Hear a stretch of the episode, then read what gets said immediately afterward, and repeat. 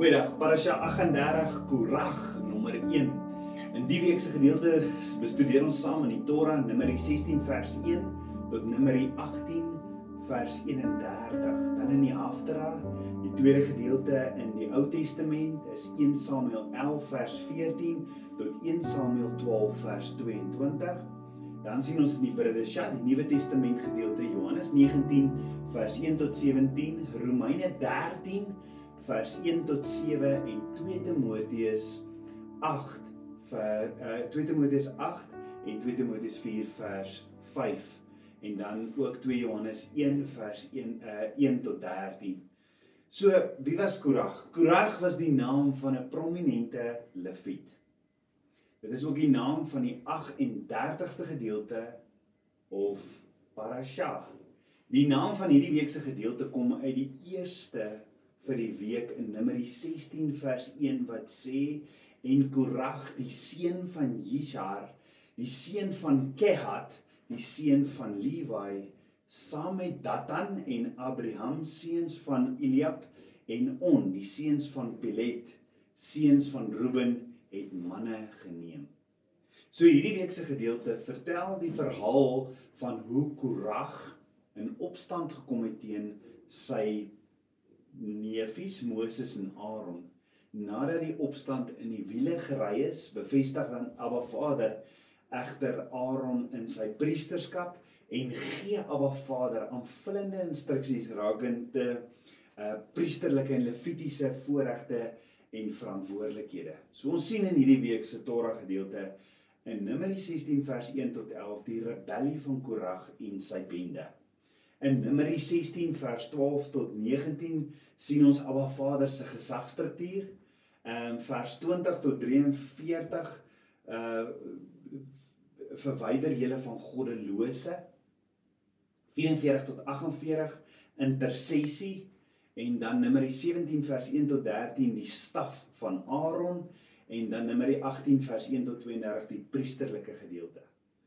So dan ook die gedeelte in die Haftara wat in die week saam bestudeer word, sien ons behels in 1 Samuel 11 vers 1 Saul Saul word verslaan of Saul verslaan die Amalite Am, Ammoniete en dan 1 Samuel 12 vers 1 Samuel doen verslag. Dan die gedeelte in die Bridesha wat ook saam bestudeer word word uh saam bestudeer word hierdie week is Johannes 19 vers 1 die kroon van dorings wat hulle vir Yeshua opgesit het. Romeine 13 vers 1 die onderwerping van owerheid, die onderwerping aan die owerheid. 2 Johannes 1 vers 13 broederliefde en valsleraars. Die sentrale tema van hierdie week se gedeelte of parasha is rebellie teen En dink daaroor, as daar gerebelleer word teen Abba Vader se gesagstruktuur, is dit nie rebellie teen Abba Vader en Abba Vader se woord nie. As daar rebellie is teen Abba Vader se orde en sy gestrag gesagstruktuur, dan is dit ons niks anders as rebellie teenoor Abba Vader en sy woord nie. Let wel in hierdie in die vorige twee gedeeltes, die vorige twee parashas, het ons ook met opstand en rebellie te doen gekry en het ons eerstens geleer dat Miriam se opstand en skinder van Moses gevolge het. Sy is met melaatsheid gediagnoseer wat 'n fisiese manifestasie van 'n onrein toestand weens sonde is. Ons lees dan in Numeri 12 vers 10 tot 11 en toe die wolk van die tent af weggetrek het, kyk toe was Miriam melaat so sneeu. En Aaron het Miriam aangekyk en sy was melaat. En daarop sê Aaron vir Moses: "Ag my Heer, lê tog nie op ons die sonde wat ons nie dwaasheid begaan het nie." Met ander woorde, Aaron verklaar self, hy het geskinder in 'n opstand teenoor Moses gedoen en dit was pure dwaasheid sê Aaron. En ek wonder of ons vandag reg besef hoe dwaas dit is om teenoor Abba Vader se orde en sy sy mense, sy en ook sy woord in opstand te kom. Hoe dwaas ons is as ons doen. Jy sien Miriam se rebellie teenoor Moses was niks anders as 'n rebellie teenoor Abba Vader self nie. Moses was nie deur mense aangestel nie, maar deur Abba Vader self. Daar's iets wat gebeur wanneer ons spreek teen afgevaardiges van Abba Vader. Want onthou Noag was ook hierdie man van God. Alhoewel hy te veel in Genesis 9 het hy te veel van die druiwesap of die wingerd alkohol gedrink en hy het in sy tent gelê toe sy seun Gam ingekom en uitgegaan en almal vertel die gevolge was Gam se genageslag was vervloek geweest so selfs as ons lelik praat skinder sleg praat van afgevaardiges van Abba Vader dit het gevolge tot tot ons nageslag het gevolge Ons het ook dan in laasweek se gedeelte of parasha gesien dat die 10 verspieders met 'n negatiewe verslag gekom het. Onthou ons het gesien Moses het die spioene of hierdie verspieders met 'n duidelike opdrag gestuur om die beloofde land te gaan verken. En die opdrag wat Moses gegee het was baie duidelik: gaan baken die gebied af. Gaan kyk hoe vrugbaar die land is, bring van die vrugte van die beloofde land terug sodat daar aan die kinders van Israel teruggerapporteer kan word. Die verspieders was nie gevra om 'n studie te maak van die moontlikhede om daar te bly nie. Maar hoekom het hulle? Was dit nie dalk 'n bietjie hoogmoed wat sy kop uitgesteek het nie? Want onthou Abba Vader het reeds aan hulle gesê dat dit 'n land van melk en honing is en dat hulle dit vir hulle gegee dat hy dit vir hulle gee en dat dit doel dat dit die doel van hul verlossing uit Egipte was. So so hoekom sou hulle 'n ander verslag bring as dit wat Abba Vader gegee het? Het hulle teenoor Abba Vader se instruksies en woord dalk gerebelleer? Want Abba Vader se woord was ewesklik nie goed genoeg vir hulle nie. Die opdrag was nooit om te gaan kyk of hulle daar wil en kan bly nie, maar om te gaan kyk hoe 'n wonderlike land hy vir hulle voorberei het. So, wat was die gevolg van hulle negatiewe verslag? Of hulle opstand teenoor Abba Vader se belofte? Wel, in Numeri 14 vers 37 sê die manne wat 'n slegte geslegte gerig aangaande die land versprei het, het gesterwe deur 'n plaag voor die aangesig van Jahweh. Is Abba Vader reg so ernstig teenoor rebellie? O ja. En omdat die volk gekies het om die negatiewe verslag te glo, daarteen rebelleer daarteen te rebelleer en gememoreer het, het almal ouer as 20 jaar en ouer in die woestyn gesterf en nooit die beloofde land gesien nie. Maar Vader sê in Numeri 14 vers 33 en julle kinders sal soos herdes rondtrek in die woestyn 40 jaar lank en sal so die gevolge van julle hoerery dra totdat julle lyke in die woestyn verteer is. Sjoe. So opstand en rebellie teenoor Abba Vader word dan ook gesien as hoerery. Tabernakels kind van Abba, hierdie week gaan rof raak. Want sien rebellie, opstand teenoor Abba Vader se orde en sy woord het nie goeie gevolge nie ons gaan dit weer eens sien. En die probleem is ons kan partykeer dink is oukei okay om selfs in die huwelik iemand van Abba Vader sleg te praat of te skinder. En dit het gevolge. Jy sien om negatief te word of te wees is nie meer 'n opsie nie. Om aanstoot te vertroetel is ook nie 'n opsie nie om simpatie of regverdiging by ander te soek is ook nie 'n opsie nie. Al bogenoemde opsies is regtig van die tafel af. Moses het besef en net so moet ek en jy dat sodra iemand 'n intieme verhouding het met Abba Vader en hy saam met Abba Vader wandel in intimiteit en hy sy lewe oorgegee het aan die diens van Abba Vader dat die woorde van daardie persoon 'n gevaarlike vlak van gewig dra in die hemel en op aarde. Moses het dit verstaan en die vraag is doen ek en jy verstaan ons dat lewe en dood in die mag van ons tong is.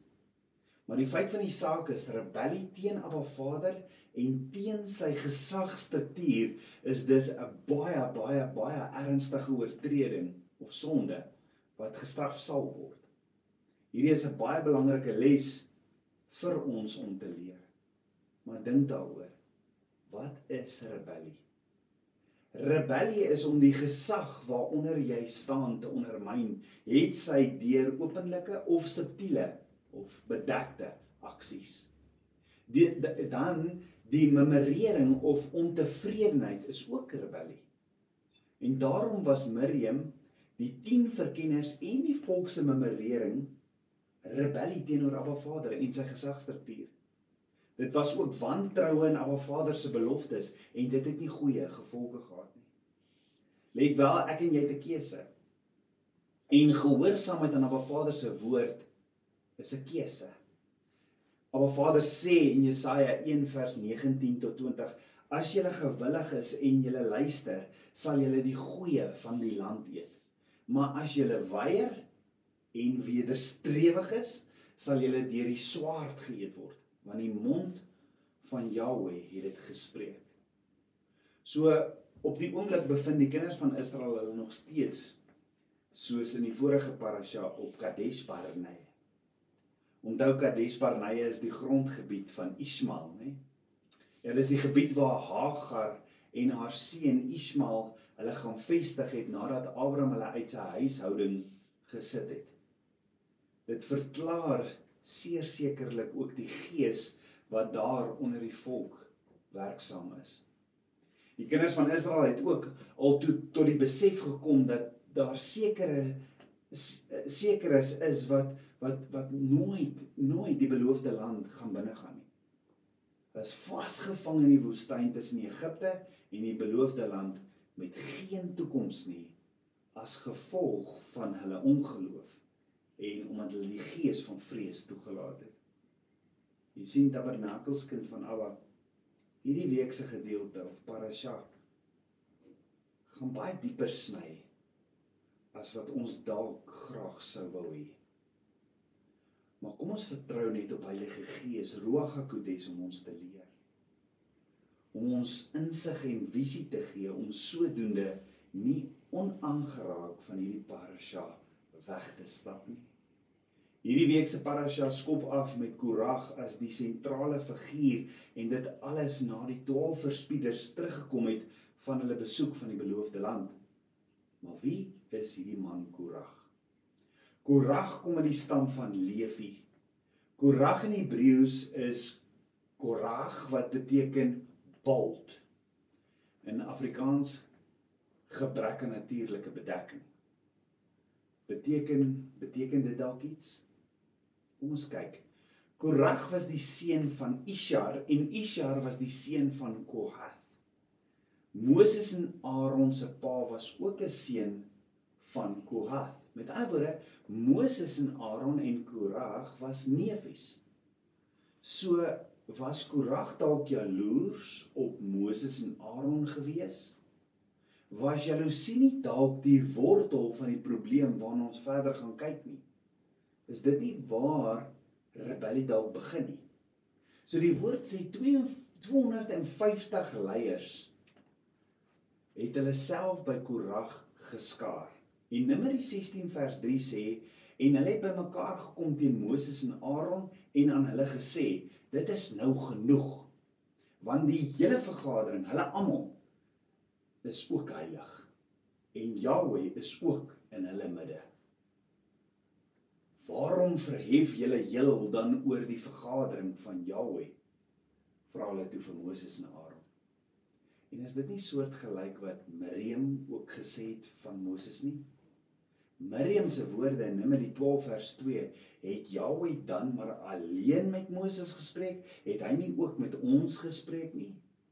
En die woord sê direk na Miriam, na Miriam dit gesê het, dan sê die woord die man Moses was baie sagmoedig meer as al die mense op die aardbodem net so sê die psalmis het Aaron Abba Vader in nederigheid en onderdanigheid gedien Aaron was hoëpriester volgens die rang van Melchisedek Jy sien Korag het Aaron se aanbegeer. En die vraag is mag ons begeer? Nee, maar Korag, Datan, Abiram on hulle almal tesame met 250 man het gerebelleer teen Moses en Aaron. En hierdie gebeure herinner ons sterk daaraan en dien ook as 'n waarskuwing dat hoogmoed, ambisie en 'n gevoel van ont, ontregting maklik kan ontaard in kwaadspreek en rebellie. En dit kan soos 'n wortel van bitterheid versprei en baie baie onrus verwek. Moses en Aaron se gesag en hulle roeping deur Abba Vader was deur Korag en sy bende bevraagteken. Jy sien om teen Moses en Aaron te rebelleer is om teen Abba Vader se woord te rebelleer en dis rebellie teen Abba Vader self. Jy sien ambisie op sigself is nie verkeerd nie. Maar wanneer dit selfsugtig raak, word eie belange ten koste van ander se belange nagejaag.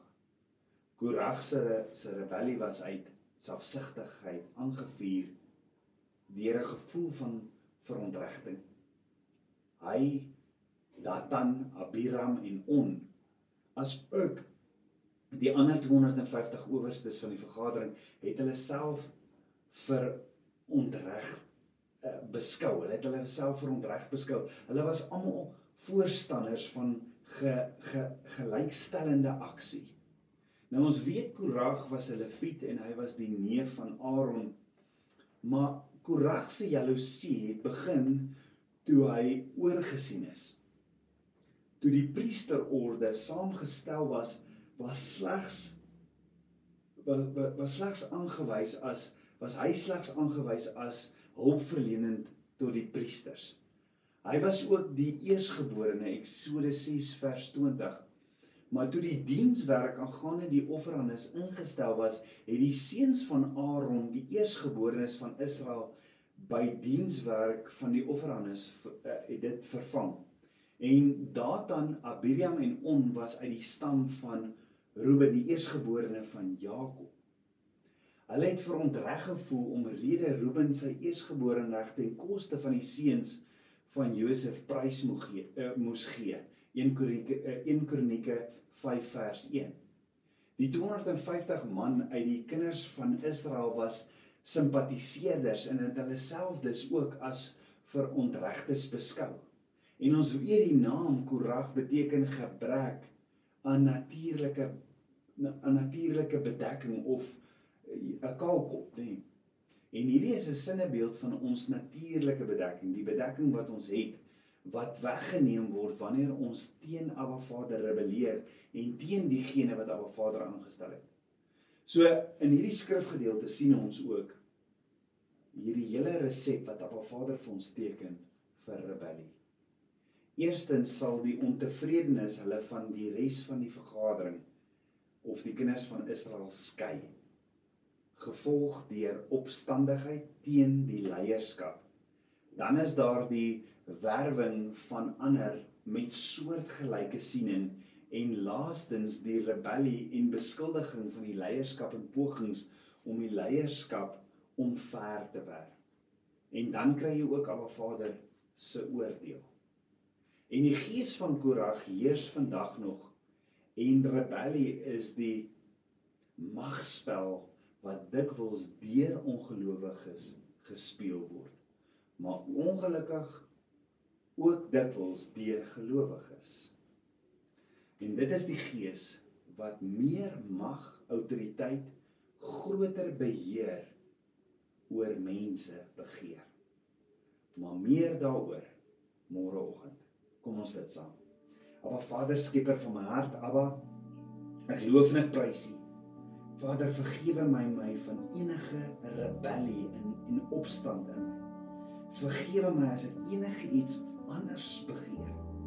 En was my met die waterbad van u woord en kom leef in my.